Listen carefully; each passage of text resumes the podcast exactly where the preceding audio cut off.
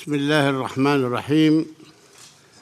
معالي الأخ سامح شكري وزير خارجية جمهورية مصر العربية السيدة ماريا فرناندا سبينوزا رئيسة الجمعية العامة السيد أنطونيو غوتيريس الأمين العام للأمم المتحدة أصحاب السعادة السيدات والسادة السلام عليكم ورحمة الله وبركاته.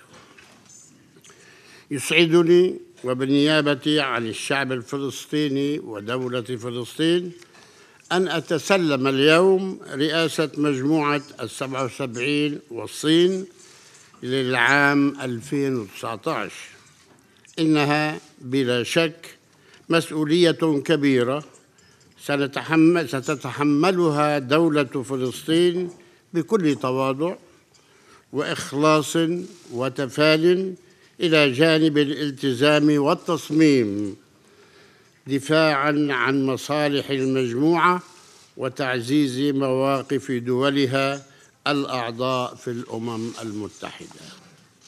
وأؤكد لكم بأن دولة فلسطين لن تدخر جهدا في ضمان العمل الجماعي من أجل البناء على ما أنجزته المجموعة على مدار 55 عاما. وفي البداية أود أن أقدم خالص الشكر والتقدير لجميع أعضاء مجموعتنا الموقرة وتحديدا لمجموعة آسيا والباسيفيك على الثقة التي كلفتموني بها. في تحمل هذه المسؤولية الهامة ومواصلة هذا الإرث العظيم. كما نشكر دعمكم ودعم دول الأمم المتحدة في تبني تقرير قرار لتمكين دولة فلسطين من ممارسة الصلاحيات المنوطة برئاستها للمجموعة. وأغتنم هذه الفرصة. للتعبير عن خالص تقديرنا للدور المميز الذي لعبته جمهورية مصر العربية بقيادة السيد الرئيس عبد الفتاح السيسي والجهود الوازنة التي قام بها معالي الوزير سامح شكري وفريق العمل المصري برئاسة السفير محمد إدريس في قيادة مجموعة السبع وسبعين والصين خلال العام المنصرم. كما وأشكر المدير التنفيذي للمجموعة السيد مراد أحمية وفريق. أصحاب المعالي والسعادة السيدات والسادة إن المبادئ التي أنشئت على أساسها مجموعة السبعة وسبعين مرتبطة بمبادئ الإجماع الدولي وأهداف الأمم المتحدة وتشكل أقوى الأعمدة لحماية هذا العالم والمنظومة الدولية المتعددة الأخرى ومؤسساتها ومنظومة القانون الدولي والتعاون المشترك بخاصة في ظل الهجمة الشرسة على هذه المجموعة. وسنعمل خلال رئاستنا للمجموعة وبدعمكم ومساعدتكم على مواجهة هذه الهجمات من خلال الحفاظ على هذا النظام الدولي المتعدد المتعدد الأطراف وتمتين العلاقات بين مجموعة 77 والصين. وبين شركائنا جميعا في الأمم المتحدة على أساس احترام السيادة الوطنية ودعم أجندة التنمية وحماية مصالح بلدان الجنوب والدول النامية وقضاياهم العادلة. وما يشرفنا هنا هو نبل أهدافنا لحماية الإنسان والحفاظ على كوكبنا لخدمة البشرية ومستقبل الأجيال القادمة.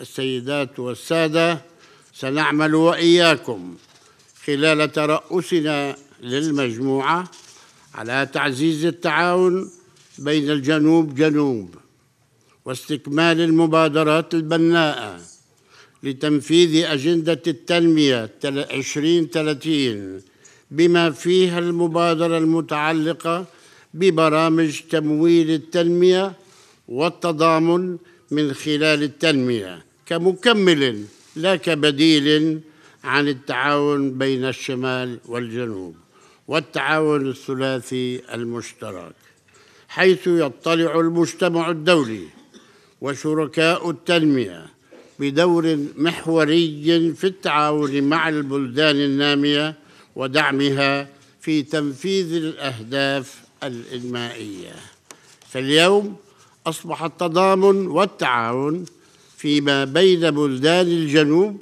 دور متعاظم في تحقيق الأهداف الانمائيه المتفق عليها دوليا بفضل الإنجازات البارزة التي تحققها العديد من دول من الدول النامية من أجل ضمان أن لا يتخل أن لا يتخلى أحد عن الركب. وعليه فاننا نقر بأهمية انعقاد مؤتمر الأمم المتحدة. الثاني الرفيع المستوى المعني بالتعاون فيما بين دول الجنوب والذي سيعقد في بيونس آيرس في آذار مارس القادم بعد مرور حوالي أربعين عاما على اعتماد خطة عمل بيونس آيرس وسنعمل على إنجاح أهدافه.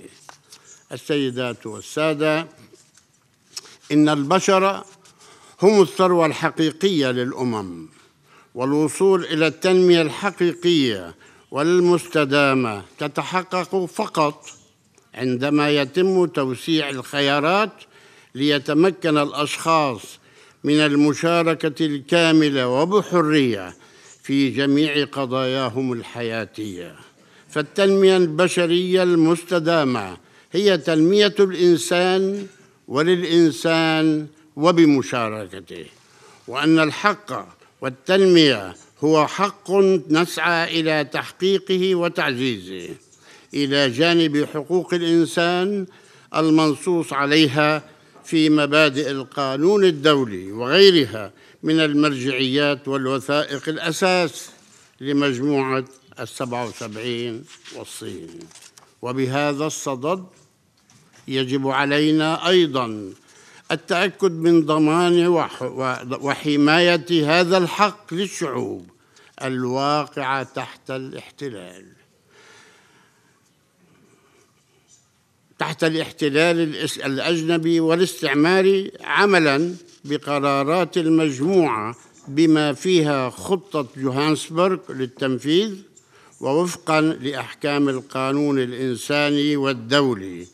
وهنا وهنا فإن فلسطين يجب أن لا تكون استثناء وهنا فإن فلسطين يجب أن لا تكون استثناء. نحن أيضا تحت الاحتلال الاستعماري. لقد وافق المجتمع الدولي من خلال خطة التنمية المستدامة لعام 2030 على خطة عمل من أجل تحقيق الرخاء لشعوب الكوكب. وقد اعتبر أن القضاء على الفقر بجميع أشكاله.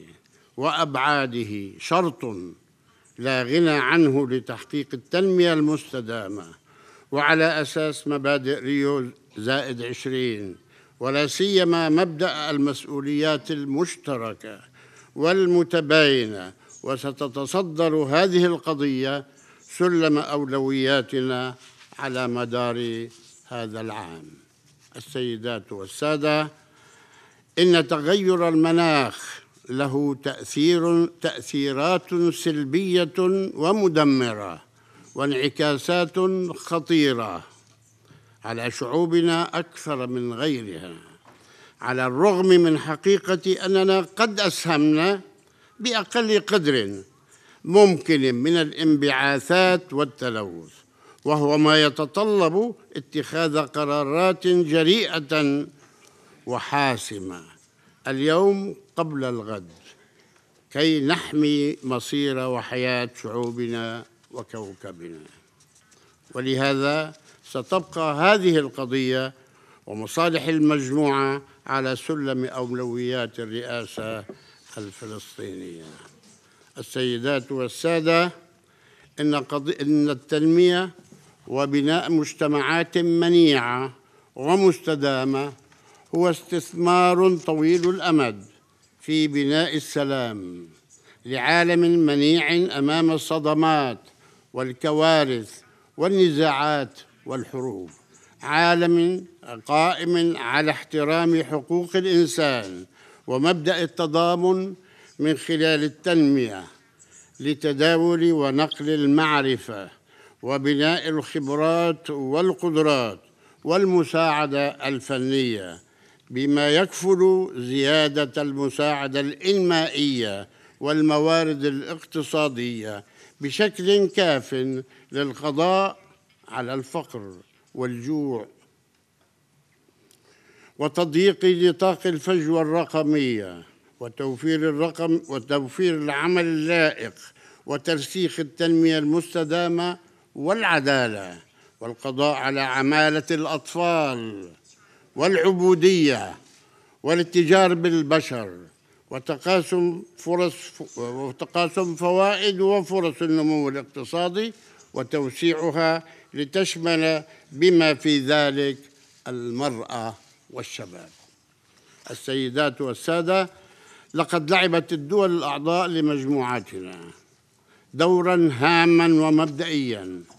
في صون وحماية الحقوق غير القابلة للتصرف بما فيها حقه حقها الراسخ في تقرير المصير والاستقلال الوطني. ولا تزال العديد من بلدان الجنوب تعاني من النزاعات والحروب والعنف والإرهاب والعدوان والاحتلال. وستواصل دولة فلسطين العمل سويا مع مع دول المجموعة كافة لمواجهة هذه التحديات. السيدات والسادة وفي هذا الإطار فإن تعزيز الأمن والسلام في منطقة الشرق الأوسط سيفتح المجال واسعا أمام تحقيق تنمية مستدامة ومستقرة لجميع دول المنطقة وفق الاتفاقات والمعاهدات الدولية إلا أن مواصلة الاستيطان والاحتلال الإسرائيلي لدولة فلسطين يعيق برامج التنمية والتعاون والربط الإقليمي لجميع شعوب المنطقة.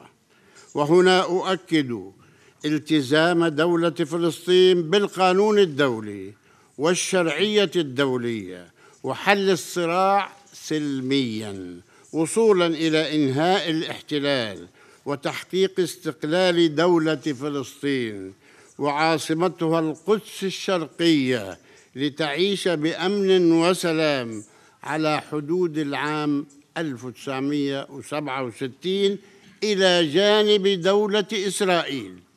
إلى جانب دولة إسرائيل. وحل قضايا الوضع النهائي كافة وعلى رأسها مسألة اللاجئين والأسرى استنادا لقرارات الشرعية الدولية ذات الصلة ومبادرة السلام العربية للعام 2002 أصحاب المعالي والسعادة السيدات والسادة في الختام نؤكد لكم أن دولة فلسطين من خلال تمثيلها للمجموعة 77 زائد الصين في جميع القضايا المتعلقة بأجندة المجموعة ستستمر بالسير على خطى الدول التي سبقتنا في رئاستها وحمل إرث وتراث مجموعتنا الهام في مواجهة التحديات التي تعترض ازدهار وتقدم شعوبنا ودولنا. وسنكرس دورنا لحماية مصالح المجموعة بمكوناتها الجغرافية المختلفة والمتنوعة كافة ولا سيما إفريقيا والبلدان الأقل نموا والدول الجزرية الصغيرة النامية والبلدان النامية غير الساحلية والبلدان متوسطة الدخل والشعوب التي تعيش تحت الاحتلال الاستعماري والأجنبي. كما نحن نعيش. وذلك لضمان أن لا يتخلف أحد عن الركب. شكرا لكم والسلام عليكم ورحمة الله.